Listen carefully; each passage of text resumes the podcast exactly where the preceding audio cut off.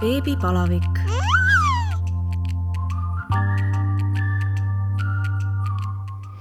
tere tulemast kuulama Õhtulehe podcasti Beebipalavik. mina olen saatejuht Katariina Toomemets ja täna on minu külaliseks Marii, kellega me räägime tema aasta ja neljakuuse tütre arenguhäirest. Marii sai kolmandal kuul teada, et, et tema lapse soolestik on väljaspool keha ja, ja nad pidid, pidid väga pikalt äh, haiglas olema pärast lapse sündi ja Marii nüüd äh, jagabki äh, meile, meiega oma kogemust. tere, Marii! tere! no enne, kui me jõuame siis selle nii-öelda põhiteemani, alustame päris algusest, kuidas ja millal te elukaaslasega otsustasite, et tahaks lapsi saada, kuidas rasestumine läks, kergelt, raskelt ja, ja kogu see teekond? no tegelikult ma ei saaks öelda, et me oleksime seda väga planeerinud, aga me olime juba, noh, me olime abiellunud, armunud äh, ja otsustasime, et lihtsalt äh, läheme eluvooluga kaasa. et kui me saime rasedusest teada, see üllatus oli nagu super tore, et mõlemad tundsime, et oleme selleks äh, väga valmis, ootasime seda, et selles mõttes, eks ikka oli ärevust, mis käib asja juurde, aga üldiselt olid ainult positiivsed emotsioonid siiski. no kuidas su rasedus alguses kulges? Päris, päris raske oli, et mul oli väga halb olla, ma olen muidu selline inimene, kes on harjunud tohutult palju liikuma, kogu aeg jooksus, kogu aeg midagi teeb, kusagil sahkerdab. Ja see ikka tõmbas mu täitsa pikali maha, mul oli kogu aeg halb, et olingi kodus pikali maas ja virisesin mis pole üldse minu moodi aga jah, esimesed kolm kuud olid kõige raskemad, pärast läks füüsiliselt kergemaks, emotsionaalselt raskemaks mm. -hmm. no kuidas äh, lapse mõttes siis äh, need esimesed kolm kuud äh, kuni selle diagnoosini kulgesid, et noh, käisid ju ikka ultrahelis, kas oli kõik hästi ja, ja, ja kuidas siis see diagnoos lõpuks teile ette lajatati? alguses oli jah, kõik hästi, aga samas alguses noh, pole ka seal väga midagi nii-öelda vaadata, et see mm -hmm. noh, laps on lihtsalt niivõrd pisike et meie jaoks oligi see saatuslik hetk siis Oscar test, äh, kuhu ma läksin väga ootusärevalt, väga rõõmsa meelega ja no uurisid seal mind, kõik oli hästi, olin seal juba jupp aega olnud, mõtlesingi, et oh, ideaalne, kõik on, kõik on korras. ja järsku äh, üks äh, arstidest siis vaatab ja ütleb, et midagi on nagu sellist, millest ta päris aru ei saa, et ta kutsub teise arsti mm. -hmm. ja sellel hetkel mul juba jättis süda löögi vahele, ma mõtlesin, et nüüd sealt tuleb midagi. noh, lihtsalt tunned mm, -hmm. pluss see ärevus. ja tuli siis äh, teine arst kabinetti sisse, vaatas paar minutit seda ultraheliekraani, vaatas mind ja ütles mulle, et äh, teie lapse diagnoos on gastroskiis, et ise pärast vaatate, mida see tähendab teie jaoks mm, -hmm. nädala pärast tulete tagasi, otsustate, kas te jätate lapse alles või ei jäta. okei okay diagnoos ja kohe see, et sa pead hakkama otsustama. jaa, täpselt, mis noh, loomulikult äh, on õige ka selles mõttes, et seal ei ole mingit aega kaotada, need otsused tulebki vastu võtta. kas äh, nad selgitasid sulle, mida see diagnoos tähendab või öeldigi seda, et, et nüüd lähed koju ja hakkad ise uurima? Äh, selles mõttes, et see arst, kes selle diagnoosis, tema tuli nii-öelda kabinetti siis kellegi teise vastuvõtu ajast mm, -hmm. et tal oligi kiire, ta tegi oma tööd väga hästi, ta ütles mulle, mis teema on, läks minema, jättis mind siis teise arsti hoole alla, kes ütles mulle, et äh, ära hakka kohe ise guugeldama mm, -hmm. ära aja ennast stressi, ma otsin sulle ise materjalid, saadan sulle meilile okay.. et äh, loomulikult ma guugeldasin, loomulikult ma närvitsesin mm, -hmm. aga ma tundsin ennast selles mõttes ikkagi väga hoitult et mind lihtsalt ei, noh, mulle ei antud lihtsalt jalaga tagumikku, ei visatud sealt välja, et nüüd mine otsustama, vaid vaid ikkagi see arst tuli mulle vastu ja ta saatis mulle need materjalid mm, -hmm. ma mhm. sain lugeda, ma sain tutvuda, et ma olen selle eest väga-väga tänulik. et sa said tutvuda ka sellise tõenduspõhise materjaliga, mitte nii, et, et loed noh, mida iganes sul seal Google ette viskab, on ju, kuigi no, sa tegid seda ka muidugi. no jaa, tegin seda ka, aga noh, on ju, on ju teada-tuntud fakt, et kusagil on mingi väike punane täpik ja siis juba mõtled, et hakkad surema, kui Google'isse mm -hmm. selle info paned ja pea valutab ja lähed teed kirstutellimuse, et selles mm -hmm. mõttes mul on nagu hea meel, et mul oli neid adekvaatseid allikaid. kas mees oli kaasas Oscaril või olid üksi? ei olnud, olin üksinda. ja ma kõndisin haiglast välja, ma helistasin talle, ma, ma isegi ei suutnud nutta, ma olin lihtsalt šokis mm -hmm. ja siis äh, läksime koju ja siis ma hakkasin, hakkasin seda meili ootama, mida arst lubas mulle saata ja siis äh, hakkasin ennast kurssi viima, et millega tegu no kuidas see nädal teil kulges? raskelt, emotsionaalselt oli tohutult raske. samas äh, mul ei olnud peas seda mõtet, et ma ei jätaks teda alles mm. -hmm. et ma olin täiesti veendunud, et ma jätan, sest ma lihtsalt pean, see tunne oli niivõrd tugev, et äh, ma ei kahelnud, aga ma sain aru, et see saab olema tohutult raske teekond mm. -hmm. ja gastroskiis iseenesest on selline haigus, et äh, üheksakümmend protsenti lastest saavad tänapäevase meditsiini abil terveks mm -hmm. või siis vähemalt elada hea kvaliteediga elu. aga seal on ikka see kümme protsenti, pluss on see, et mitte keegi ei tea, mis seisus su laps täpselt on, kuni ta on sündinud mm. -hmm. ehk siis mul ei olnud mitte mingisugust äh, kinnitust, et äh, minuga saab kõik hästi olema mm, -hmm. et ma ainult teadsin seda, et ta läheb peale sündi operatsioonile, aga mitu operatsiooni, kas kõik läheb hästi ja nii edasi, see oli täielik äh, teadmatus väga-väga pikalt kui äh, palju siis äh, sa selle kohta lugesid, noh tõesti, kas sa juba jõudsid ka mingitesse a la sellistesse foorumitesse, kus võib-olla jagatakse noh, teised, teised lapsevanemad jagavad oma kogemusi või oli see ikkagi selline nagu see, sa lugesid ainult selle diagnoosi kohta?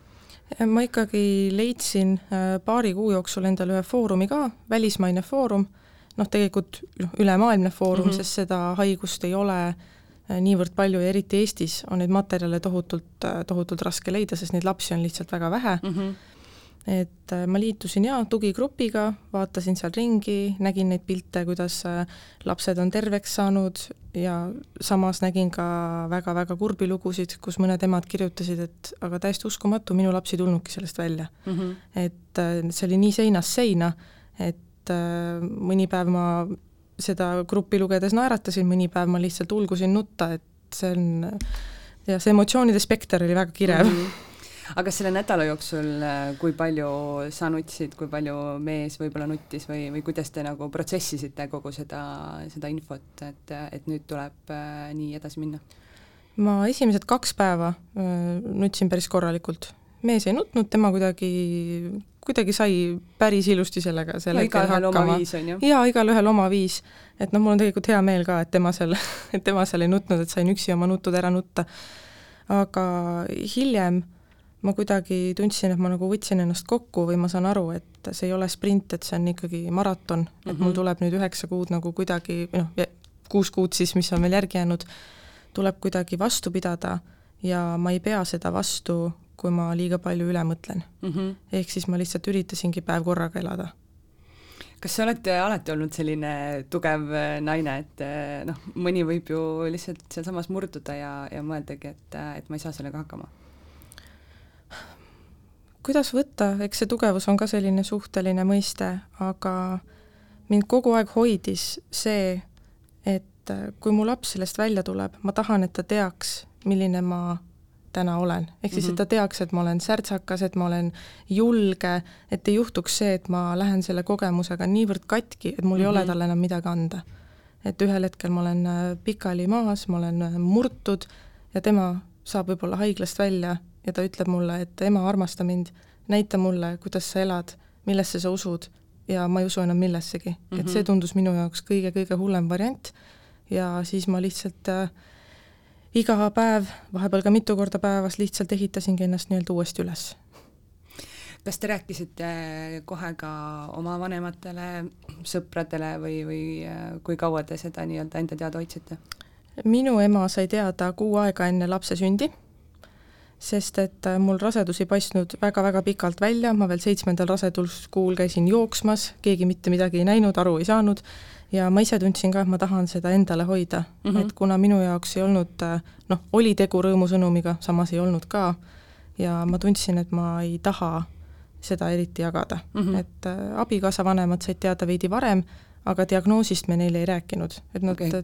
noh, said teada, et meil tuleb laps, aga ma tundsin, et äh, minu enda jaoks oli seda infot juba väga palju protsessida mm, -hmm. et ma ei soovinud sellel hetkel hakata kellelegi teisele seletama ja kellegi teise tunnetega tegelema ja siis ma lihtsalt otsustasin, et seda mitte jagada sel hetkel mm. -hmm. ja millal te siis, kui me nüüd natuke ajas ette läheme, millal te neile ütlesite diagnoosi kohta?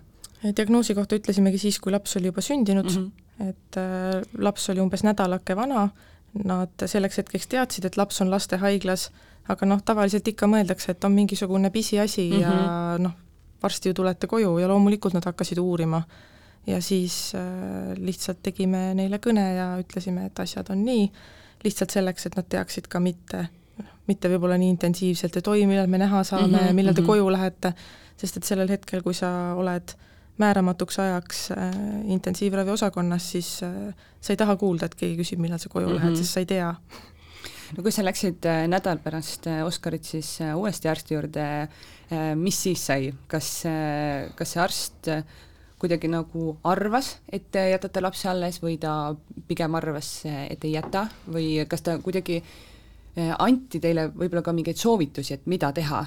selleks hetkeks mul oli otsus juba tehtud, arstiga suheldud ja nad tegid mulle kooriumbiopsia ehk siis see on äh, platsentast äh, raku võtmine ja laborisse saatmine, et välistada mingid muud mm -hmm. kõrvalised efektid ja noh, kuna ma selle protsessiga või nagu selle protseduuriga juba nõus olin, siis oli no juba kindel, et ma kavatsen selle lapse ikkagi alles mm -hmm. jätta, ma lihtsalt tahan teada, et kas see on ainus defekt või on seal midagi veel mm. -hmm. ja siis ma ootasin äh, umbes kuu aega neid vastuseid, et nad ütlesid küll, et reeglina gastroskiisiga ei kaasne mitte mingisuguseid muid haiguseid mm, -hmm. aga noh, kui kaasneb, siis ma noh, nad ütlesid, et kui nüüd kaasneb mingisugune suur kromosoomi haigus näiteks, et siis ma pean ikka olema valmis raseduse mm -hmm. katkestamiseks.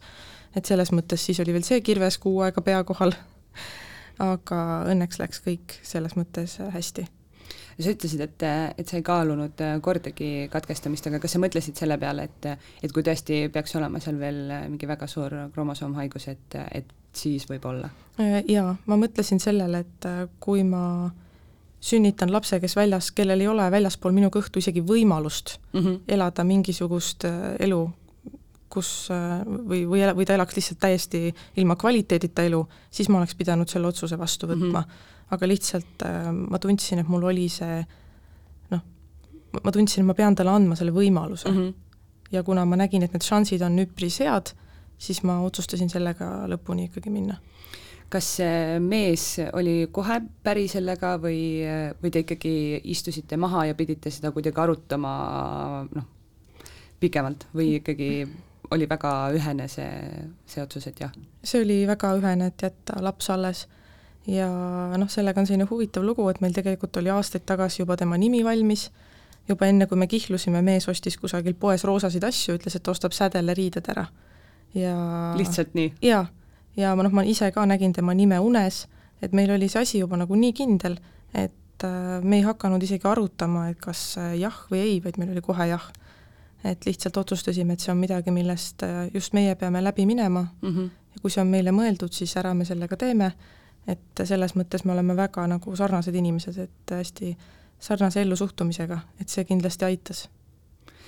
kuidas siis, kas sulle pandi mingisugune ma ei, raviplaan on esimene sõna, mis, mis mulle pähe tuleb, aga selline kuidagi mingi jälgimisplaan paika, et et oli sul äh, raseduse ajal võib-olla rohkem kontrolle või, või kuidagi suurema jälgimise all või, või oli see ikkagi noh, see, et, et siis, kui laps sünnib, siis läheb ikka asjaks rohkem? raseduse teises pooles oli rohkem kontrolle ja sellepärast, et sageli tekib äh, selle diagnoosiga lastel üsasisene kasvupeetus ja nad võivad sündida veidi enneaegselt mm. -hmm ja siis nad ikkagi noh, pidevalt nagu kontrollisid ja mõõtsid ja lõpuks ma käisin ikka iga kahe nädala tagant ultrahelis mm. -hmm. ja päris lõpus isegi juba tihedamini.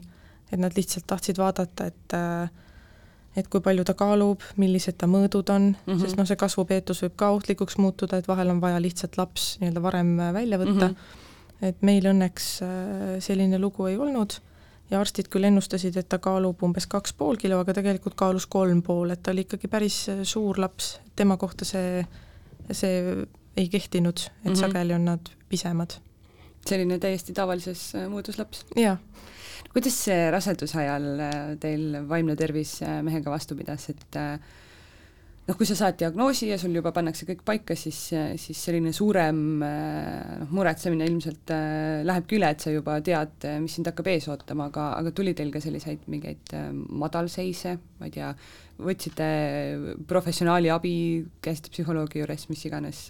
otseselt professionaali abi ei, noh, otsimas ei käinud, ma kindlasti väga julgustan kõiki otsima, et ma arvan, et see on ülioluline ja seda kindlasti peab tegema, kui sul on tunne, et sa vajad seda mm, -hmm. aga kuna me omavahel nagu tohutult palju rääkisime, suhtlesime, siis äh, ma tundsin, et, äh, et noh, see ei ole päris see, mida mul, mida mul sel hetkel oleks mm -hmm. nagu vaja olnud, vaid pigem tundsingi seda, et ma tahan seda võimalikult väheste inimestega jagada mm, -hmm. pigem olin nagu sellises äh, sellises kapslis ja muidugi vahepeal kusagil Facebooki beebigrupis ikka kommenteerisin oma muresid ja rõõme ka, et see oli minu jaoks nagu mingi osa normaalsusest mm. -hmm. et lihtsalt natuke tahtsin ikka poole jalaga seal normaalses rasedate maailmas ka olla, on ju. aga jah, neid madalseise loomulikult oli, et ma ise sellel ajal, no ma kirjutasin väga palju, ma kirjutasin luuletusi, kirjutasin mingisuguseid jutte, käisin palju jalutamas, jooksmas, leidsin viise, kuidas ennast välja elada mm. -hmm. et nii-öelda hoida ennast siiski emotsionaalselt äh, puhtana mm. -hmm. sest et äh, sellistel hetkedel elus äh, sageli noh, meie kodu ja ümbrus ja hing ja kõik võib muutuda nagu üheks suureks prügikastiks, kui me seda ei korrasta mm. -hmm. ja minu nagu esmane eesmärk oli hoida selles olukorras ennast, enda kese võimalikult paigas kas need luuletused ja jutud olid eh, seotud lapsega või olid need täiesti seinast seina, mis iganes pähe tuli? täiesti seinast seina, et ma lihtsalt tundsin, et ma pean midagi pidevalt tegema, ennast välja elama ja siis ma täpselt neid asju tegin. et äh, ma arvan, et mul ei ole vist mitte ühtegi luuletust, mis oleks otseselt lapsega seotud mm, -hmm. aga need on lihtsalt tulnud sellest tundest, mida mina sel hetkel tundsin. on need rõõmsad, kurvad? seal on kõike kas sa plaanid nendega midagi tulevikus võib-olla peale hakata? Äh, jaa, täitsa võimalik, et kuna ma siin äh, vaikselt äh, olen avaldanud ka mõndasid oma kirjutisi, luuletusi, siis ma usun, et, et jah, võib ka seda teha, aga sageli on nii, et kui ma selle tunde endast välja kirjutan, siis ma lihtsalt jätan selle mm, -hmm. et ma ei lähe sinna enam tagasi mm. -hmm et ma arvan, et pigem tulevad uued asjad peale no see, selle mõte ongi ju tegelikult ka, et sa saadki selle endast, endast välja ja enam ei tegele sellega. jaa, just.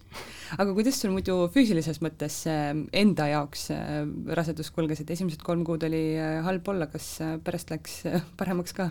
jaa, mul tegelikult oli väga hea olla, mul väga kusagilt ei valutanud,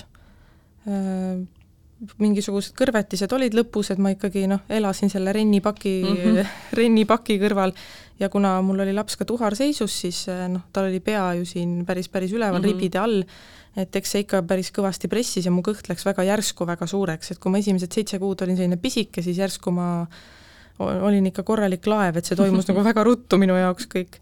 Aga muidu ma ennast kehvasti ei tundnud ja veel kaks päeva enne lapse sündi tegin ma ei tea, üheteist-kaheteist kilomeetrise ringi jalutasin, paiste ei läinud mitte midagi.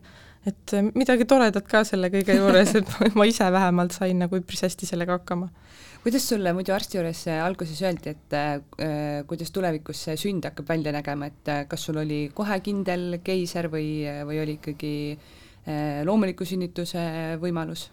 loomuliku sünnituse võimalus oli ka, sest äh, gastroskiis arengurikkena iseenesest ei ole näidustus keisrilõikeks. Okay et ja sageli isegi öeldakse, et äh, on isegi parem, kui need lapsed sünnivad loomulikul teel, mitte keisriga, aga kuna säde oli tuharseisus, siis äh, noh, ja ta ei keeranud ennast ringi, mhm. vahepeal ikkagi ootasid, et no äkki keerab, ei keeranud, siis otsustati plaanilise keisri kasuks, mis äh, tagantjärele on minu arvates ülimalt hea otsus, sest kui ta sündis, siis tema seisund oli siiski noh, ei olnud kiita mm, -hmm. et mul on nagu hea meel, et et, et ikkagi see keisrilõige oli see, mis lauale jäi. milline siis äh, säde Sabine sünnilugu oli? kuidas see päev hommikust peale kulges kuni selle hetkeni, kui ta lõpuks väljas oli? alguses ma olin ise üpris äh, rahulik, aga siis, kui mulle juba need haiglariided selga pandi ja palatisse kärutati, siis ma tundsin, et, et, et nüüd ma saan kohe mingisuguse paanikahoo, ma sain aru, et ongi see hetk käes, kus nad lihtsalt võtavad minult lapse sõidavad temaga minema ja ma pean üksi sinna jääma mm. -hmm. ja see on midagi sellist, milleks sa ei ole mitte kunagi valmis.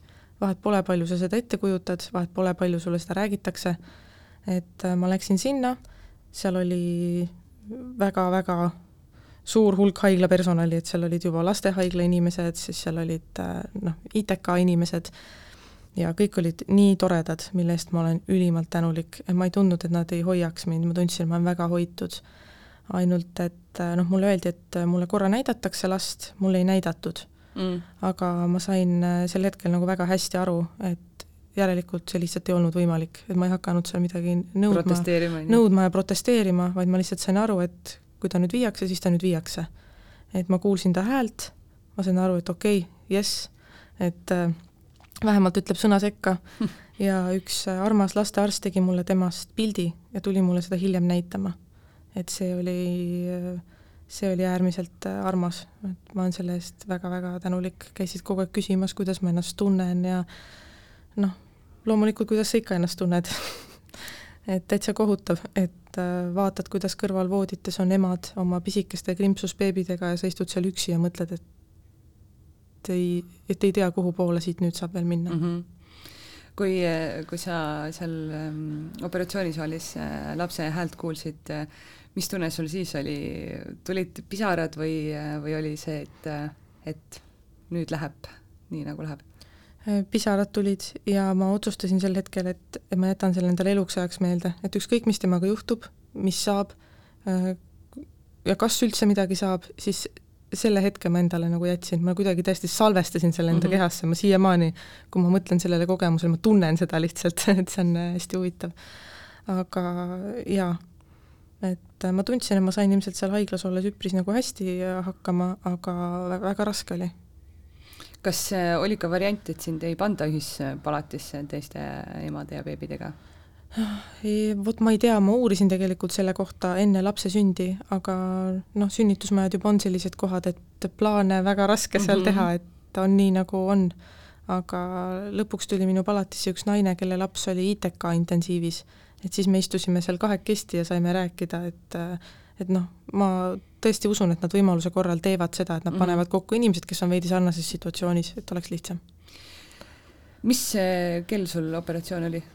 hommikul üheksa, ei, kümme umbes ja siis äh, mis äh, kellaks sa said äh, nii-öelda uuesti jalad alla, sest noh, ega keisriga on ju see, kui sind palatisse viiakse, ega sa ei tõuse sealt kohe püsti? ei, nii ei ole, aga ma arvan, et ma kuskil viie-kuue tunni pärast hakkasin oma jalgu tundma, õhtul käisin pesemas ja järgmine päev juba kõndisin ringi ja mind noh, väga kannustas see ka, et noh, ma pean liikuma, sest mm -hmm. ma mhm. tahan oma lapse juurde minna. ma ei saanud seal nagu mõelda seda, et oh, tšilliksin paar päeva veel mm -hmm. ja mhm. tuuakse mulle süüa ja kohvi voodisse, on ju. vaid mu esimene mõte oli see, et ma pean hästi ruttu ennast püsti ajama, sest et ma tahan sealt ära minna mm. -hmm kuidas sul äh, muidu äh, see päev selles mõttes kulges, et noh, et sa ikkagi oled äh, seal voodis, jalgu ei tunne ja siis äh, mis sa siis äh, tegid? Said üldse keskenduda, ma ei tea, lihtsalt Facebooki scroll imisele või, või ikkagi peas oli kogu aeg miljon mõtet, et mis, mis mu lapsega toimub? see, see, mis mu lapsega toimub, oli pidevalt, ma käskisin mehel kogu aeg lastehaiglasse helistada iga natukese aja tagant. muidugi mul oli päris tugev valuravi peal, et selles mõttes ma olin seal ikkagi pikalt väga uimane mm, -hmm. et ma nagu jäin magama, ärkasin, jäin magama, ärkasin. Ja siis lõpuks mees helistas mulle ja ütles, et, et lapsel on esimene operatsioon tehtud ja noh, et kui me soovime, saab teda vaatama minna. saite, läksite? jaa läksime, mees läks esimesena, sest mina olin noh, kaks päeva sees mm, -hmm. et mhm. tema käis esimesena ja noh, see oli tema jaoks täielik šokk, et ta ei tahtnud mulle isegi noh, öelda, mida ta seal nägi, vaid lihtsalt viis mu sinna kohale ja kuna meil on lapsega väga lähestikku sünnipäevad, siis oli nii, et ma läksin siis oma sünnipäeval teda esimest korda vaatama mm.. tema oli siis umbes jah, kolmepäevane. siis te jäite, mm, Säde Sabine jäeti äh, saja viieks päevaks lastehaiglasse. kuidas äh, see aeg kulges ja, ja mis see esi-, mis seal esimesel operatsioonil siis äh, tehti, sest operatsioone tal ju oli veel palju? jaa, gastroskiisiga äh, on nüüd selline lugu, et kui läheb hästi, siis need väljaspool keha asetsevad sooled mahutatakse ilusti kõhtu ära, õmmeldakse kõht kinni ja siis hakatakse edasi vaatama, millal saab lapsele süüa anda ja nii edasi ja nii mhm. edasi mm. -hmm. säde puhul oli see, et ta ise oli umbes viiskümmend, noh, ta oli viiskümmend sentimeetrit pikk, aga sooli oli väljas umbes kaheksakümmend, mis tähendab seda, et lihtsalt sinna väiksesse kõhtu ei olnud võimalik neid kõiki, seda kõike ära mhm. mahutada mm. -hmm. esimene operatsioon oli siis äh,, oli siis see, et need sooled pandi nii-öelda kõhu eesseina peale koti sisse, sõna otseses mõttes nagu kilekoti sisse, ja need rippusid sealt kuvöösi laest alla. ja ootasime gravitatsiooni, et need sinna sisse vajuks ootasime umbes kuu aega, natuke rohkem, nii kaua ma teda hoida ei saanud, vaatasin teda lihtsalt seal läbi klaasi, vahepeal salaja toppisin näppe ka natuke sisse, et äh, aga jah, ja siis nad vaatasid, et see ikkagi ei toimi, et päris nii ka ei saa ja siis hakkasid seal erinevaid variante katsetama, et äh, kuidas oleks võimalik tema kõht äh, sulgeda mm, -hmm. mis võttiski siis kuue operatsiooni ja kahekümne narkoosi jagu aega. ja iga kord siis natuke rohkem või, või kuidas need, mida, mida nendel järgnevatel operatsioonidel tehti? Nad üritasid panna sinna mingit tehislikku kattematerjali sinna kõhule, see nagu väga ei töötanud. Siis panid ta kõhu peale vaakumsüsteemi, mida kasutatakse ka põletushaavade korral, et lihtsalt selline nagu, mis peaks hoidma haava puhtana. Mm -hmm. ja siis lihtsalt nii-öelda imeb sealt haavast igasugu seda vedelikku, kõike muud välja, see on selline masin, masinaid oli tal küljes tohutult-tohutult äh, palju. Ja noh, pidevalt katsetasid, et mida saaks nagu teha, äh, lõpuks õmblesid ta täiesti kokku, aga siis ta oli nii aktiivne, et ta siples need õmblused lahti, siis tal oli jälle see kõht laiali. Et selles mõttes äh, Ameerika mäed olid äh, korralikud. Ja kogu see aeg oli ta praktiliselt ainult veenitoidul, sest et äh, rinnapiima ta süüa ei tohtinud või üldse süüa, sellepärast et kuna need sooled on kõhust väljas, siis noh, sellisel kujul sulle süüa ei anta. Mm, -hmm. Et siis ma pumpasin kuus kuud igapäevaselt rinnapiima. ja ostsime koju suurema sügavkülma ja lõpuks said hakata sööma ka, et läks asja ette kuidas siis, kui see viimane operatsioon oli ära tehtud, mis siis äh, nii-öelda kõik korda tegi kuidas siis äh, tunded olid? no selles mõttes ikkagi ärevad, et äh, see, et kõht on äh, nii-öelda suletud, ei tähenda veel tegelikult väga midagi mm, -hmm. et äh, komplikatsiooni oht jääb ja samas oli ka see, et ta sõi tohutult väikseid äh, piimakoguseid ja nii, kui arstid hakkasid koguseid kas või viie milliliitri võrra tõstma, siis tal kohe hakkas kõht streikima mm, -hmm. mis tähendab, et see oli selline pidev nagu katsetamine, et noh, natuke rohkem süüa, võtsid jälle ära. ja noh, et pidevalt ta nagu, noh kui teised lapsed, ma arvan, selle aja peale juba sadade milliliitrite kaupa võisid piima juua, siis temal oli pudelis selline kümme, on ju, kakskümmend. et, et see noh, see pidev, see koguste tõstmine oli ka väga frustreeriv, et lähed haiglasse ja vaatad, et oh, viis milliliitrit on juures ja lähed järgmine päev tagasi, vaatad, ah, ära võetud mm. -hmm. et äh, et selles mõttes jah, et see, mis seisus need sooled on, seda täpselt keegi kunagi ei saa öelda, et noh mm -hmm., palju nad ka nagu kannatavad seda toitu üldse. et osad lapsed gastroskiisiga ongi, noh, ma olen rääkinud emadega, kelle lapsed on olnud haiglas aasta, mõned isegi rohkem. aasta? jaa, et lihtsalt ei saa nende toitmistega nagu sina peale. ja, või siis ongi nii, et laps sünnib ja need soolikad on seal lootevees nii kaua grillinud, et lõigatakse kõik soolikad ära, laps on lühikese soolesündroomiga sa ei tulegi väga pikalt sealt haiglast koju. et arst ütles ka mulle, et arvestage, et olete aasta siin. ja noh, sellega ma siis ka arvestasin. Kui, kui sa läksid last äh, esimest korda vaatama, siis äh, kuidas siis oli, kas äh, olid sa valmistunud selleks vaatepildiks? Äh, oli see hullem, kui sa arvasid, oli see kergem, kui sa arvasid? see oli tuhandetes kordades hullem, kui ma oleks kunagi osanud ette kujutada. et äh, päris paljud on mulle, noh, ümbritsevad inimesed on mulle öelnud, et, et oo, et aga sa teadsid ette, et see kindlasti tähendas seda, et see oli sinu jaoks kerge. ja siis ma mõtlen, et ei ole absoluutselt vahet, kas sa tead või sa ei tea, kui sa sinna lähed, sa ei ole selleks valmis. et, äh, et sa ei ole selleks valmis, et sa kõnnid haiglasse ja sa ei saa oma beebit katsuda, sa lihtsalt vaatad teda, sul on käed desinfitseeritud, sul on mask ees, masinad piiksuvad äh,, iga andur, mis teeb häält, on kohe nagu häire sinu jaoks, et mis temaga nüüd juhtuma hakkab, et selles mõttes see oli täielik šokk. Ja loomulikult äh, see abitus on äh, maksimaalne. et iga ema tahaks ju teha oma lapse jaoks kõik, aga sellel hetkel sa saad aru, et sa oled kõige mõttetum inimene seal ruumis mm. -hmm. et sa oled kõige rumalam, sest et sa, sa ei ole arst, sa ei saa oma lapse heaks mitte midagi teha, sa lihtsalt vaatad teda ja ootad, et äkki kunagi. ja pärast lähed õhtul koju. Sa ütlesid, et, et läksid õhtul koju, kui palju te saite üldse haiglas olla ja kas te saite seal ka ööbida mõnikord? ööbida ei, kõige kõrgema astme intensiivis ei ole võimalik ööbida sest et seal on kõige-kõige kriitilisemas seisus äh, patsiendid mm. -hmm. mis tähendabki seda, et äh, lihtsalt äh, tulebki minna õhtul koju, sul ei ole muud varianti. Otseselt keegi välja sind ilmselgelt ei viska, et oli päevi, kus ma olin kell kaheksa hommikul haiglas ja kell kümme õhtul läksin ära, aga jah, ööseks sinna jääda ei saa.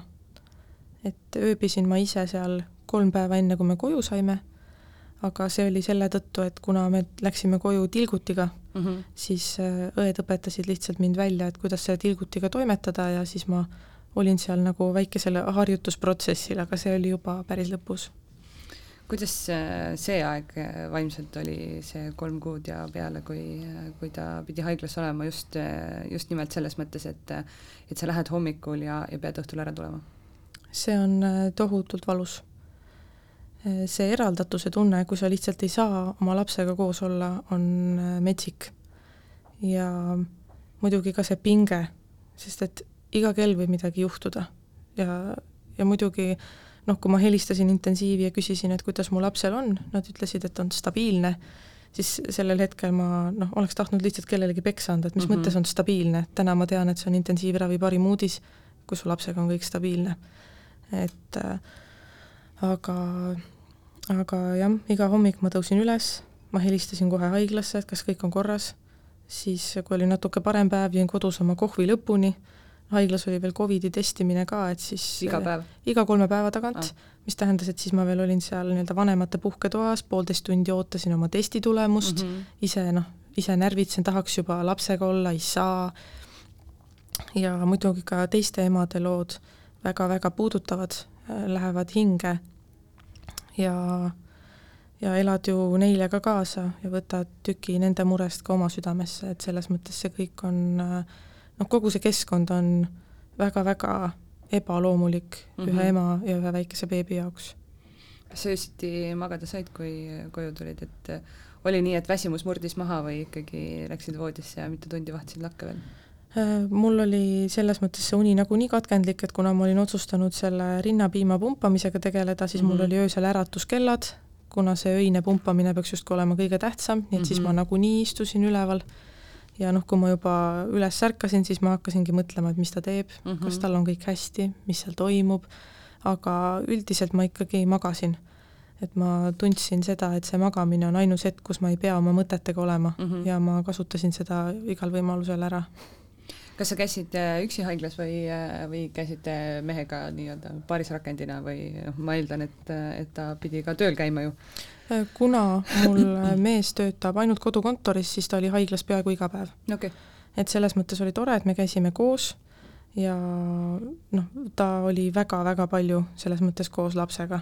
et sageli oli nii, et kui noh, läksime koos või läksin mina enne, tema tuli hiljem, olime vahetustega lõpuks, äh, kui me olime seal haiglas juba paar kuud olnud, siis ma sain aru, et ma pean natuke enda elu ka kõrvalt elama mm, -hmm. sest vastasel juhul ma lihtsalt mandun ära, mis tähendab seda, et saingi mingi sõbrannaga kokku, saatsin mehe haiglasse, mees saatis mulle sealt pilte, et kuule, kõik on hästi, jooma kohvi, pläkuta, ole kauem, ole kauem, et lihtsalt äh, tee midagi, mis natuke sind aitab sellest välja. et selles mõttes meie tiimitöö oli sel ajal nagu tohutult hea et äh, muidugi oli ka hetki, kus ta ei küsinud arstide käest õigeid küsimusi ja sai kodus vastu päide jalgu mm, -hmm. aga noh, see oli lihtsalt minu püüd seda olukorda kuidagi kontrollida.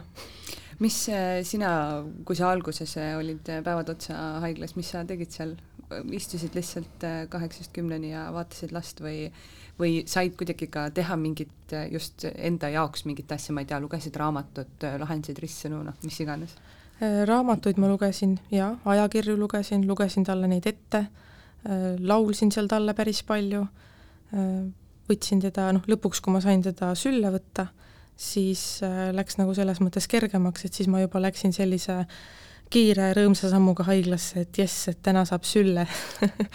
Et see oli nagu, see oli minu jaoks juba suur-suur võit. ja loomulikult suhtlesin seal ka teiste emadega, et vahepeal see stress ongi nii suur, et äh, olime emadega seal kampas, jõime kohvi, tegime mingit musta huumorit, naersime nii, et pisarad silmis, lihtsalt olime teineteise jaoks olemas. säde sündis äh, kahekümne neljandal jaanuaril ja. ja sa saidki ta esimest korda siis äh, sülle võtta esimesel märtsil. jaa. kui palju, sa enne ütlesid, et vahepeal salaja sa ikkagi katsusid teda seal, aga kui palju tõesti sa said teda nagu puudutada vahepeal mm,? Vähe. Ja kuna need soolikad olid tal kõhust väljas, siis teda ei tohtinud ju väga liigutada mm -hmm. ja ta isegi ise siples ju ühel hetkel need, selle nii-öelda selle soolikakoti jälle lahti ja siis nad viisid ta uuesti operatsioonile ja noh, nad isegi ei kaalunud teda eriti, sest nad lihtsalt ei saanud teda väga liigutada mm. -hmm. ja noh, eks ma ikka natuke sain talle pai teha ja ta võttis mu sõrmest kinni ja need olid nagu sellised väikesed asjad. aga kui ma ta sülle sain, siis tal oli ikka kõvasti juhtmeid küljes, et seesama vaakumsüsteem, sond, tsentraalveen, hingamistoru, et äh, aga koos nende juhtmetega ma ta sülle sain ja ma arvan, et ma kolm tundi ei julgenud ennast absoluutselt liigutada, ma lihtsalt istusin ja ma, ma ei uskunud seda. Ja noh, ma nägin, et lapse jaoks oli ka nagu veider, et mis asja, et nüüd tõstsite mu siit minu kuplist välja ja mis, mis siin toimub, on ju, aga see oli nagu esimene samm, kus ma tundsin, et nüüd asjad hakkavad vähemalt kuhugi liikuma. paremuse poole? jaa. jah, et kui ta juba sealt äh, välja lubati võtta, et siis järelikult on, on piisavalt hästi? jaa, just, et on, on piisavalt hästi, et võib teda vähemalt sealt välja võtta ja kaks päeva peale seda, kui ma ta sülle sain, siis mul mees helistas, et äh, küsida, kuidas tal läheb õhtul, ma olin koju tulnud, ja siis nad ütlesid, et aa, et ta tõmbas omal hingamistoru välja, et hingab ise, et tal läheb praegu täitsa hästi. ja siis ma pärast seda lihtsalt läksin jooksma ja läksin mere äärde karjuma et äh, ja lihtsalt mõtlesin, et, et noh, et pa-, palun, palun nagu punnita veel edasi, et ma tean, et sa saad sellega hakkama. päris vap-, päris vapper piiga, et ja. tõmbas ise toru välja ja hakkas ise hingama, et sealt ei tulnud nagu mingit sellist noh, tagasilööki. jaa, et ta otsustas, et aitab küll aga kuidas see, mm, need päevad selles mõttes kulgesid, et eh, kas oli ka mingeid noh, sa küll ütlesid, et, et vahepeal tõmbas seal asju lahti ja, ja et süsteemid ei töötanud, aga kas oli ka mingi selline äh, väga raske tagasilöök, kus tundus, et, et vau wow,, et nüüd läheme kümme sammu tagasi? see oligi see, kui tal õmblused lahti tulid, sest et ma olin juba harjunud ära selle mõttega, et ma saan teda vähemalt süles hoida mm. -hmm. ja kui need õmblused lahti tulid, siis arst istus minuga maha ja ütles, et nüüd me paneme ta kümneks kuni kaheteistkümneks päevaks äh, narkoosi, õmbleme ta kinni, sest et ta lihtsalt sipleb need lahti ja nad mm -hmm. on mhm. nii, nii hea õnne peal seal nii-öelda koos, et äh, lihtsalt, et see tuleb, noh, see peab kinni kasvama mm. -hmm. me ei saa seda muud moodi kinni, sest et ta ju kogu aeg liigutas ja toimetas seal juba, on ju. ja siis ma mäletan küll, et ma tundsin, et ma lihtsalt ei pea enam vastu. et selline tunne nagu, nagu, nagu maas lama ja saab mm -hmm. lihtsalt peksa. et sest et ma juba tundsin, et ma olen ta juba endale lähedale saanud, ma pean ta jälle ära andma. ja nad ütlesid ka mulle, et aga äkki on parem, kui sa ei tulegi. Et miks, noh, et mille jaoks ma lähen vaatan seda, kuidas ta seal narkoosis narkoosis on, et äkki ma siis ei lähegi üldse haiglasse. ja siis, kui nad pidid selle operatsiooni talle tegema, siis äh, selle operatsioonipäeva hommikul mu mees helistas, et kas ta on nüüd ära käinud, kuidas on, kas nad õmblesid ta kõhu kinni, ja siis arstid ütlesid, teate, et aga me vaatasime praegu ja tundub, et see ikka saab ise ka kinni kasvatud, et me otsustasime mitte opereerida. Et see oli see hetk, kus ma lihtsalt ei uskunud, et see on üldse võimalik, et ma olin juba jälle ennast mingiks nii mustaks stsenaariumiks nagu valmis mm -hmm. pannud, aga see oli nagu selline hetk, kus äh, ma tundsin, et jumal tänatud. et siis läksin haiglasse ja vaatasin, tal oli veel sond ära võetud, ma nägin tema nägu esimest korda ilma juhtmete ja ilma plaastriteta ja see oli tohutult suur võit. ehk siis äh, tundus, et lähed kümme sammu tagasi, aga tegelikult selgus ikkagi, et ei pea minema? jaa, just.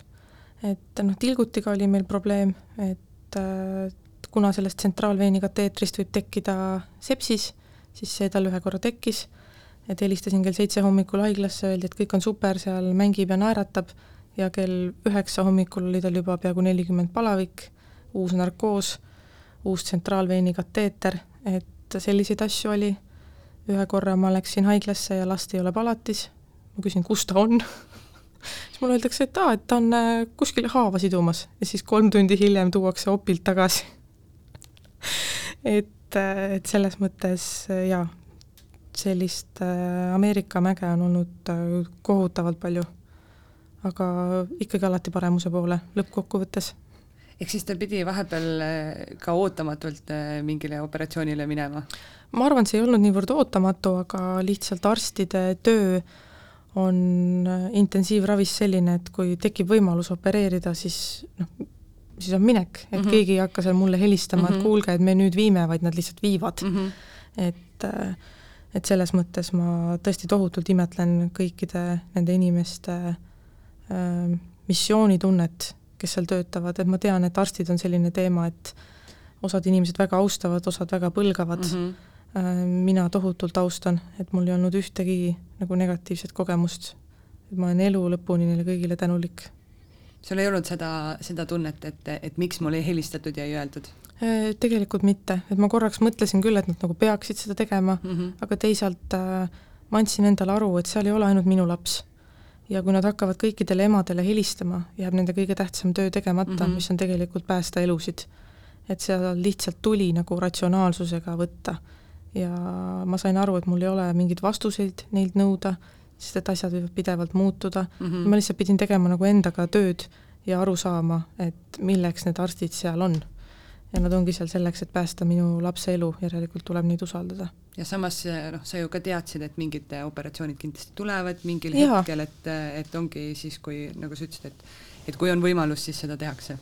jaa, täpselt, ja noh, kui ma ikkagi äh, tema raviarstiga rääkisin, siis ta alati andis mulle väga põhjalikult infot mm -hmm. ja ma alati valmistasin kõik küsimused ette, et ma tundsin, et ma nii tohutult austan seda inimest ja tema aega, et ma lihtsalt nagu tahad omalt poolt ka midagi anda? jaa, ma tahtsin omalt poolt nagu kõik teha, et ka temal oleks võimalikult hea minuga suhelda, et äh, jah. no kolme kuu jooksul äh, lapsed ju arenevad äh, meeletult, igasugused äh, esimesed naeratused, kilked äh,, kuidas sädel see pool käis, et äh, kas äh, oli seal, ma ei tea, öeldi sulle, et, äh, et noh, ilmselt tal jäävad võib-olla mingid arenguetapid hilisemaks või, või just kuidas see arengu pool, kuidas sind selleks ette valmistati ja kuidas sellega läks? selles mõttes nad panid tähele, et ta ei haaranud asju noh, et ta juba oleks nagu pidanud haarama mm, -hmm. Teisalt pead ta hakkas väga hästi hoidma, kuigi ta oli ju ainult selili olnud, enamasti isegi pea ühele poole viltu, sest et -hmm. ta eelistas mingit teatud külge, nad väga teda ei liigutanud, või noh, ta lihtsalt keeras ennast tagasi, et äh, selles mõttes jaa, ta oli umbes ta oli vist kolme kuu vanune, kui ma ta esimest korda üldse kõhuli panin, sest et tal lihtsalt ju ei olnudki kõhtu, kuhu peale mm -hmm. teda üldse panna. et et äh, selles mõttes ma ikkagi panin ennast valmis, et temaga tuleb rohkem vaeva näha, aga ma ostsin endale ühed vahvad võimlemiskaardid ja kui ta juba noh, kui ma temaga juba toimetada sain, siis ma iga päev võimlesin temaga mhm. haiglas mm, -hmm. ostsin talle igasuguseid neid beebiraamatuid, et teda nagu harjutada mõlemale poole vaatama, julgustasin teda asju haarama, et äh, et ikkagi hommikust õhtuni tegelesin temaga, et aidata teda natuke järgi mm. -hmm ja läks äh, kergelt, et tuli, tuli ilusti? jaa, jaa, tuli. Et muidugi me siin äh, käisime füsioteraapias kõvasti ja nii edasi, et noh, ka oma nagu, mitte Haigekassa, vaid nagu oma rahadest mm, -hmm. et iga kahe nädala tagant käisime temaga, kui me koju saime, et lihtsalt selleks, et äh, noh, aidata teda mingite lihaspingetega mm -hmm. või noh, mis iganes tal võivad olla, aga tänaseks kui ei näeks ühte väga-väga suurt armi tema kõhul ja seda, et tal ei ole naba, ei ütleks kunagi, et tal on midagi üldse juhtunud.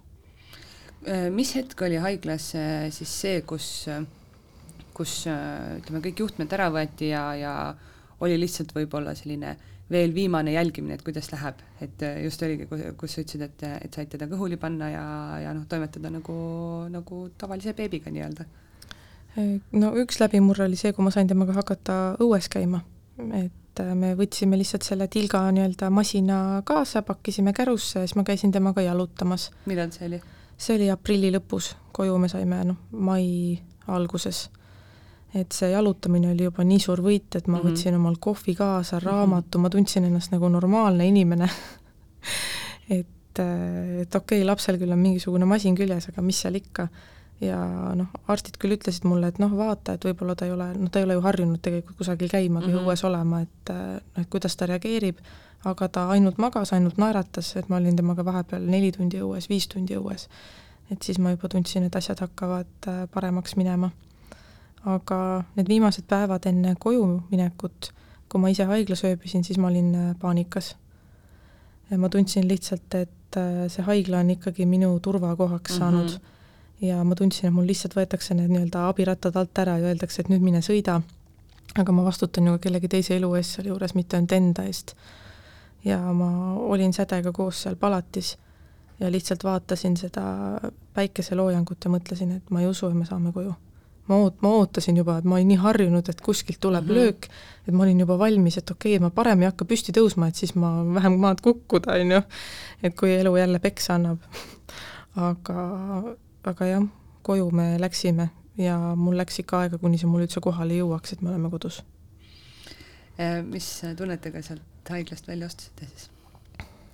ärevus et ma tahaks öelda, et äh, ma olin sel hetkel maailma kõige õnnelikum inimene, aga ma arvan, et ma ei olnud, sest mul ei olnud veel see kohale jõudnud ja teiseks äh, noh, ma pidevalt äh, kartsin mingisuguseid komplikatsioone mm, -hmm. et mul mees veel sidus talle turvahälli külge roosad õhupallid ja tema oli, et no nii tema oli, et noh, ma ütlesin, et me saame koju, ma ütlesin sulle.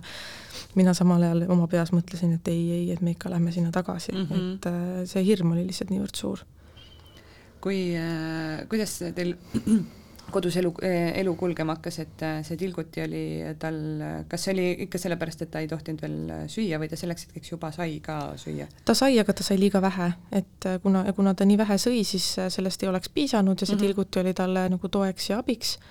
ja tilguti oli tal üheksateist tundi päevas, pidime seda ise lahti ühendama ja siis meil oli see noh, mõned tunnid siis, kus ta sai ilma selleta olla mm. -hmm. et jah, sellega siis kõndisime ringi, et öösel laps tegi häält, siis võtad ta sülle ja lähed koos tilga jalaga teise tuppa ja aga see juba oli kõige muuga võrreldes niivõrd äh, kerge. kas see on samasugune suur, nagu täiskasvanutel on haiglas või, äh, või lastel on ikka mingi väiksem versioon? Äh, no see tilga jalgase masin ikkagi on sama et äh, ja noh, see toit ikkagi ripub sealt alla ja mm -hmm. noh, aga kärusse me selles mõttes noh, kui ma temaga kuskil mere ääres käisin jalutamas, siis ikkagi selle jalaga õnneks mööda liiva ringi ei lasknud, et saime sellise noh, selle masina osaliselt nagu kaasa mm -hmm. pakkida. et selles mõttes see oli väga tore, et ei pidanud seal sellist tsirkust tegema. aga kuidas siis äh, kodus oli, kas äh, noh, laps ju ka ikka areneb edasi ja tahab igasuguseid asju teha ja kui tal see tilguti peab küljes olema, siis ma kujutan ette, et vahepeal ta oli ikka küll nagu võtke ära see, mis see on siin. jaa, et pidevalt ikkagi tuleb jälgida, et ta ei üritaks seda välja tõmmata, ühe korra meil juhtuski nii, et see tilguti vist kuidagi, noh, see kateeter läks tal kuidagi valesse asendisse, no kindlasti väga ebaprofessionaalselt praegu seletan, aga midagi seal juhtus, nii et siis mul mees viis ta haiglasse, nad panid ta uuesti narkoosi, nad tõstsid tal selle ühest kohast teise ringi ja aga noh, see ei olnud midagi nii nagu selles mõttes dramaatilist mm, -hmm. aga lihtsalt järjekordne selline asi, et noh, midagi on vaja jälle ikkagi teha, midagi vaja parandada, aga muidu ma tundsin, et me saime üpris äh, kenasti hakkama. et mina muidugi iga nutu peale tahtsin haiglasse sõita mm, -hmm. et äh, nii kui laps hakkas nutma, siis ma olin, et okei okay,, aga autole hääled sisse ja minek. ja mul abikaasa ütles mulle, et Marii, ta on beebi, beebid nutavad. ma ütlesin, ma tean, aga ta sureb kohe ära, kui me ei lähe, et me peame minema. et äh, mul kindlasti oli neid hetki päris mitmeid, kus ma äh, pidin sõna otseses mõttes endale litaka vastu nägu andma ja saama aru, et äh, millele on vaja reageerida, millele pole vaja reageerida. et tõmba nüüd tagasi, on ju? jaa, just. millal äh, te sellest äh, tilgutist lahti saite? kolmekümnendal juunil saab aasta. ikkagi päris kaua siis? et jah, kuigi nad ütlesid, et tilgutiga võib minna ka paar aastat ja meil seal gastroskiisi tugigrupis on inimesi, kes on täna kakskümmend ja neil on tilk et selles mõttes see võib ka nii minna. et, äh, et osad, kes on näiteks lühikese soolesündroomiga, ei pruugigi tilgast vabaneda või siis vabanevad alles mitme aasta pärast mm, -hmm. et äh, meil on seal grupis mõningad postitused, kus üks ema kirjutab, et lõpuks ometi, et mu viieaastane tütar sai tilgast lahti. ja kogu see viis aastat nad siis elavadki selle tilgaga, see laps ei saa eriti midagi ujumas käia, normaalselt ennast pesta, äh, sa pead pidevalt kõike desinfitseerima mm, -hmm. sest et mhm. kui tal tekib palavik, sa sõidad kohe haiglasse sest sa ei tea, kas see palavik on nüüd see, et ta sai viiruse või see on see, et tal on veremürgitus mm. -hmm. et äh, selles mõttes me saime ikkagi väga kiirelt sellest lahti. see veremürgituse oht siis on äh, üks äh, selliseid suuremaid mis võib tulla ette? jaa, see on nagu põhiasi, mis võib juhtuda jah, et lihtsalt kuskilt saab mingisugune pisik sisse ja siis tuleb antibiootikumid peale panna ja ja hakkab selline trall peale. et ei ole see, sellega selle diagnoosiga lastel ei ole siis järelikult äh, seda, et äh, noh, et tõesti, et ah, ta on nii, lihtsalt jäi haigeks mm. -hmm. et sul ongi iga kord, kui palavik on, siis ja, haigla poole? jaa, siis on haiglasse, et juba lihtsalt selle jaoks, et sa ju ei tea, miks mm -hmm. tal mhm. see palavik tekkis, et niikaua, kui lapsel on see tilguti küljes, siis on alust kahtlustada, et tal on midagi tõsisemat mm -hmm. ja tuleb minna. et aga jah, me olimegi umbes poolteist kuud selle tilgaga ainult kodus, mis tegelikult ei olnudki niivõrd pikk aeg, ma olin ennast juba jälle maratoniks ette valmistanud, et äh, selles mõttes oli noh, kui me sellest lahti saime ja nad ta sealt äh, opisaalist tagasi tõid, ma lihtsalt ei uskunud oma silmi, et tal ei ole mitte midagi enam küljes. absoluutselt mitte midagi, ta oli nagu täiesti tavaline laps ja siis tuli nagu see vabadus kohe eriti kätte, et ei noh, muidu oli ikka see, et kui ta magama jäi, noh, tahtis näiteks ööunne minna, aga tal oli, tilguti oli näiteks äh, lahti ühendamata, mis iganes, siis ajad lapse üles ja mm -hmm. teed oma protseduurid ära ja isegi kui ta röögib, sa lihtsalt hoiad teda kinni, sest et sa pead desinfitseerima, on ju. et äh, nagu paras, paras ahistamine et siis õnneks see, see osa meie teekonnast lõppes ära kuidas siis äh, toitmisega oli, äh, sa enne ka ütlesid, et äh, pumpasid sügavkülma piima täis, kas siis ta sai juba täiesti vabalt süüa või ikkagi pidid ka jälle jälgima, et seda, et noh, et kui natuke tõstad kogust, siis, siis kuidas see toimib? lõpuks arst usaldas mind ise tõstma, sest et noh, kuna ma tõesti absoluutselt iga nüanssi jälgisin ja iga asja peale saatsin meile, siis ta sai aru, et noh, mingisugune napakas, et las ta siis ise vaatab, et äh, ja siis äh, jah, ise hakkasin neid koguseid tõstma ja lõpuks, kui arst sai teada, et kui palju ta juba sööb, siis arst ütleski, et aga aitab küll, et võtame selle tilga siis ära mm. -hmm. ja siis me sellest tilgast lahti saime ja siis ma hakkasin andma talle vaikselt püreede näol lisatoitu, mida ma muidugi tohutult, tohutult kartsin mm. -hmm. tal oli allergikute segu, tuli lõpuks rinnapiimale lisaks, aga sellega tal ka probleeme ei olnud ja noh, esimene sõna oli muidugi mämm, nüüd ta ainult sööb, sõna otseses mõttes ainult sööb kõike, kõike, mis kätte saab, sööb ära, et äh, selles mõttes ei ole jäänud probleeme sellega õnneks.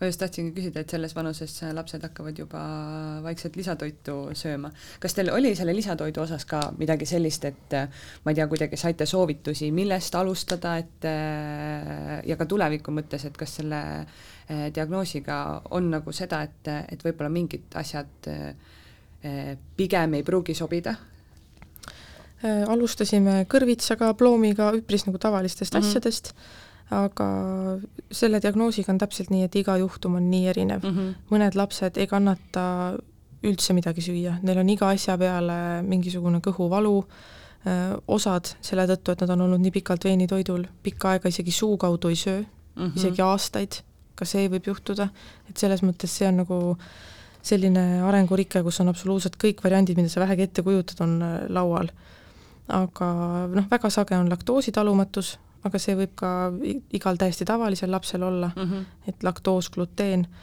äh, sädel ka äh, alguses, kui noh, mina ise sõin piimatooteid ja tema minu rinnapiima jõi, siis äh, oli näha, et talle see laktoos nagu ei sobi mm -hmm. ja siis ma viskasin selle ise kõik oma menüüst mõneks ajaks välja, aga tundub, et tänaseks on tema see soolestiku limaskest ikkagi nii hästi taastunud, et ta saab süüa tegelikult kõike ja ei ole mitte mingisugust äh, reaktsiooni täheldanud. ehk siis äh, ta on praegu nagu täiesti tavaline laps, midagi äh, viga ei ole ja ilmselt ei tule ka? jah, loota võib, et noh, loomulikult armkude võib tekitada probleeme tulevikus, et osadel lastel armkude kasvab kuidagi soolestikuga kokku mm, -hmm. siis tuleb seda opereerida, osadel tekib sooles mingi blokeering, kuna need sooled ei ole nii-öelda anatoomiliselt korrektsed mm, -hmm. vaid noh, need soolikad on sõna otseses mõttes, vabandust väljendust, aga sinna kõhtu lihtsalt sisse topitud, mis tähendab, et nad võivad seal ükskõik mida teha mm, -hmm. et äh, selles mõttes see komplikatsioonide võimalus jääb alati, aga samas äh, elus ilmselt nii ongi, et iga, iga asjaga, mida sa teed, on mingisugune oht kusagil peidus kas teda praegu kontrollitakse tihemini kui äh, tavaliselt äh, lapsi või, või on ikkagi, käivad need kontrollid sellises tavalises rütmis? Äh, nüüd on täiesti tavapärases rütmis, et muidu me ikkagi käisime teda seal lastehaiglas nagu korra kuus näitamas mm -hmm. Ja lõpuks mulle anti nagu viisakalt mõista, et teil on perearst ka olemas, et äkki hakkaksite tema juures käima, siis ma mõtlesin, ma ei taha, tahan teie juures olla. Mitte, et mu perearstiga midagi probleemi oleks, aga lihtsalt ma tundsin ennast äh, turvaliselt. nii turvaliselt. Äh, nüüd äh, ilmselt järgmine kuu tulekski minna teda näitama, aga viimasest visiidist Tallinna Lastehaiglasse on möödas tänaseks pool aastat, et selles mõttes viimati, kui me seal käisime, siis oli temaga kõik korras ja ka praegu on temaga kõik korras. Kuidas see, kogu see teekond teid äh, mehega, teie omavahelist äh, suhet on äh, mõjutanud, olete te lähedasemaks saanud, olete te vahepeal võib-olla, ma ei tea, kaugenenud, sellistes olukordades inimesed võivad käituda erinevalt, nähvavad üksteisele suvalise asja peale, kuidas teil sellega läks? ma arvan, et me oleme sellel teekonnal kõik variandid läbi käinud me oleme tundnud, et me oleme kasvanud nii lahku, et rohkem enam ei saa, aga ikkagi tulnud jälle teineteise juurde tagasi. me oleme rääkinud, me oleme iga, iga kivi nii-öelda ringi keeranud, vaadanud, et mis seal all on, ja samas lõpuks ikka avastanud, et kuule, sa oled ikka nii kuradi vastik täna, et ma ei tea et äh, ma arvan, see stressifoon on lihtsalt nii tohutult mm -hmm. suur ja noh, kui veab, siis on nii, et üks saab teist tõsta, aga vahel on mõlemad nii pikali maas, et mitte keegi ei suuda sind tõsta, ei suuda sind aidata ja kõik, mida su partner teeb, on äh, vale. et, äh, et selles mõttes me oleme nagu saanud aru, et see ongi selline olukord, kus sa ei saa õigesti käituda. et see on midagi sellist, kus lihtsalt tuleb läbi minna, aga me tõesti oleme tohutult palju rääkinud ja tegelikult ka võtnud teineteisele aega, et need asjad läbi rääkida et äh, me ei ole teinud oma elu selles mõttes tohutult lapsekeskseks, et me oleme mõlemad väga sellised äh, boheemlaslikud inimesed, et kellel ongi laps kaasas ja sõidame kogu aeg ringi ja teeme asju ja vahepeal jätame ta mõneks päevaks ilusti hoidu ka ja lepitab meile ukse pealt ja lähme räägime oma asjad selgeks, et meie prioriteedid kindlasti ongi täna meie ise ja suhe ja siis tuleb laps. väga tervislik suhtumine Ehm, on teil ka teise lapse plaane tuleviku mõttes või, eh, või on eh, sädediagnoos jäänud, jätnud võib-olla sellise kartuse hinge? alguses ma mõtlesin küll, et mitte kunagi enam, lihtsalt see kogemus oli nii hull, et ma ei tahaks mitte iial midagi sellist läbi elada. käisin ka geneetiku vastuvõtul, kus öeldi, et kõik on korras, aga no enamasti öeldaksegi gastroskiisi kohta, et see on looduse vingerbuss mm, -hmm. see ei pruugi enam kunagi tagasi tulla, aga meil on toetusgrupis naine, kellel on sellega kolm last, midagi pole leitud wow. ja ta ütles, et enam ta ei proovi. et ta lootis, et saab kätte ühe korra elus selle kogemuse, kus ta saab lapsega koju ja ta ei ole seda saanud, ja noh, on ka mitmeid neid, kellel on kaks last selle diagnoosiga mm, -hmm. et naine, kes on sellega sündinud ja kellel sünnib selle diagnoosiga laps endal. et äh, selles mõttes elu on niivõrd ettearvamatu et äh, ma tean, et minuga võib ikka kõike juhtuda ja ilmselt kunagi tulevikus ma siiski teist last veel sooviks, aga seda kindlasti siis, kui säde on suurem. et äh, ma olen pigem nagu selline vanem, kes, äh, kui ta on oma lapsega, siis ta on sada protsenti. Mhm. et meil ei ole kodus telekat, meil ei ole mingeid nutivahendeid, me vaatame koos raamatuid, me tõesti tegeleme, et ma tunnen, et ma tahangi praegu talle niivõrd palju panustada, et kui tal tekivad juba mingid oma huvid, sõbrad, mis iganes, et siis ma ilmselt mõtleks selle teise lapse peale, aga mm -hmm. praegu ma noh, ütleme nii, et ta on nii aktiivne ja särtsakas ka, et ma ei jaksaks praegu kuskile mujale enam oma energiat tema kõrvalt panna. sa jagasid oma lugu Facebookis äh, väga armsa postitusega ja tegidki seda aasta ja neli kuud äh, pärast seda sündi. Äh, miks sa otsustasid sellest rääkida avalikult? Mind ajendas see, et äh, me näeme sotsiaalmeedias nii tohutult palju seda fassaadi, et õnnelikud vanemad, äh, rõõmsad beebid, keegi kunagi ei tülitse, ei närvitse, äh, kõik on kohe peale sünnitust vinks-vonks ja elavad oma parimat elu, aga see ei ole alati nõnda. Ja kõik see, mida ma lastehaiglas nägin ja kogesin, ka need teiste emade lood puudutasid mind nii sügavalt, et ma lihtsalt tahan, et inimesed teaks, et neil on keegi olemas. sest et sageli need, kes ei ole sellises olukorras olnud, võivad öelda sulle nii rumalaid asju mm, -hmm. et sa kokkuvõttes tahaksid lihtsalt neile peksa anda, et sul ei lähe paremaks. et äh, tegelikult ongi vaja, et lihtsalt keegi hoiaks sulle ruumi ja ütleks, et ma saan aru, et sul on halvasti ja ma olen selles sinuga, mitte ta ei ürita seda parandada, sest seda ei saa parandada. et äh, ma lihtsalt tundsin, et ma olen valmis sellest äh, rääkima, et ma olen ise tänaseks, ma vähemalt tahan loota, et tulnud sealt võimalikult tervena välja ja, ja kui ma olen juba sellise teekonna ise läbi käinud, siis kindlasti mingi põhjusega, et äh, aidata teisi. mis äh, tagasisidet sa said sellele? mulle kirjutasid väga-väga paljud inimesed mitte ainult need, kellega ma koos haiglas olin ja kes seal seda äh, kirjutist lugedes kodus nutsid, vaid ka need, kellel ongi kas lapsed lahkunud või kes on samamoodi pidanud väga-väga pikalt intensiivravis olema, kes on pidanud nagu nii kirjeldamatute asjadega silmitsi seisma, et sellest ei saagi mitte keegi aru, kes ei ole olnud sealsamas.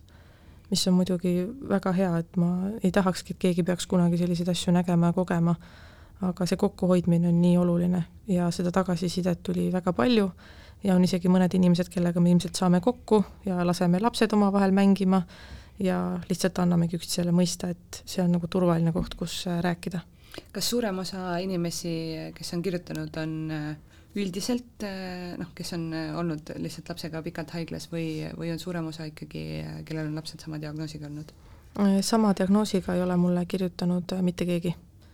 Et ma tean küll paari inimest Eestis, kellega mm -hmm. ma olen ka suhelnud, kusjuures üks laps oli lastehaiglas samal ajal kui minu tütar täpselt sama diagnoosiga, aga lihtsalt neil oli kõvasti kergem versioon, et neil mm -hmm. sai ühe operatsiooniga korda ja poolteist kuud hiljem nad olid kodus et neil nagu läks õnneks paremini. aga muidu ühtegi ema, kelle lapsel oleks gastroskiis, mulle selle postituse peale kirjutanud ei ole. Äkki neid veel tuleb? jaa Mari, aitäh sulle oma lugu jagamast, väga tore, et sedega kõik hästi on ja väga tore, et teil mehega ka kõik hästi on. aitäh! aitäh kuulamast! kuula beebipalavikku üle nädala neljapäeviti Spotify'st, iTunes'ist või kust iganes oma podcast'id leiad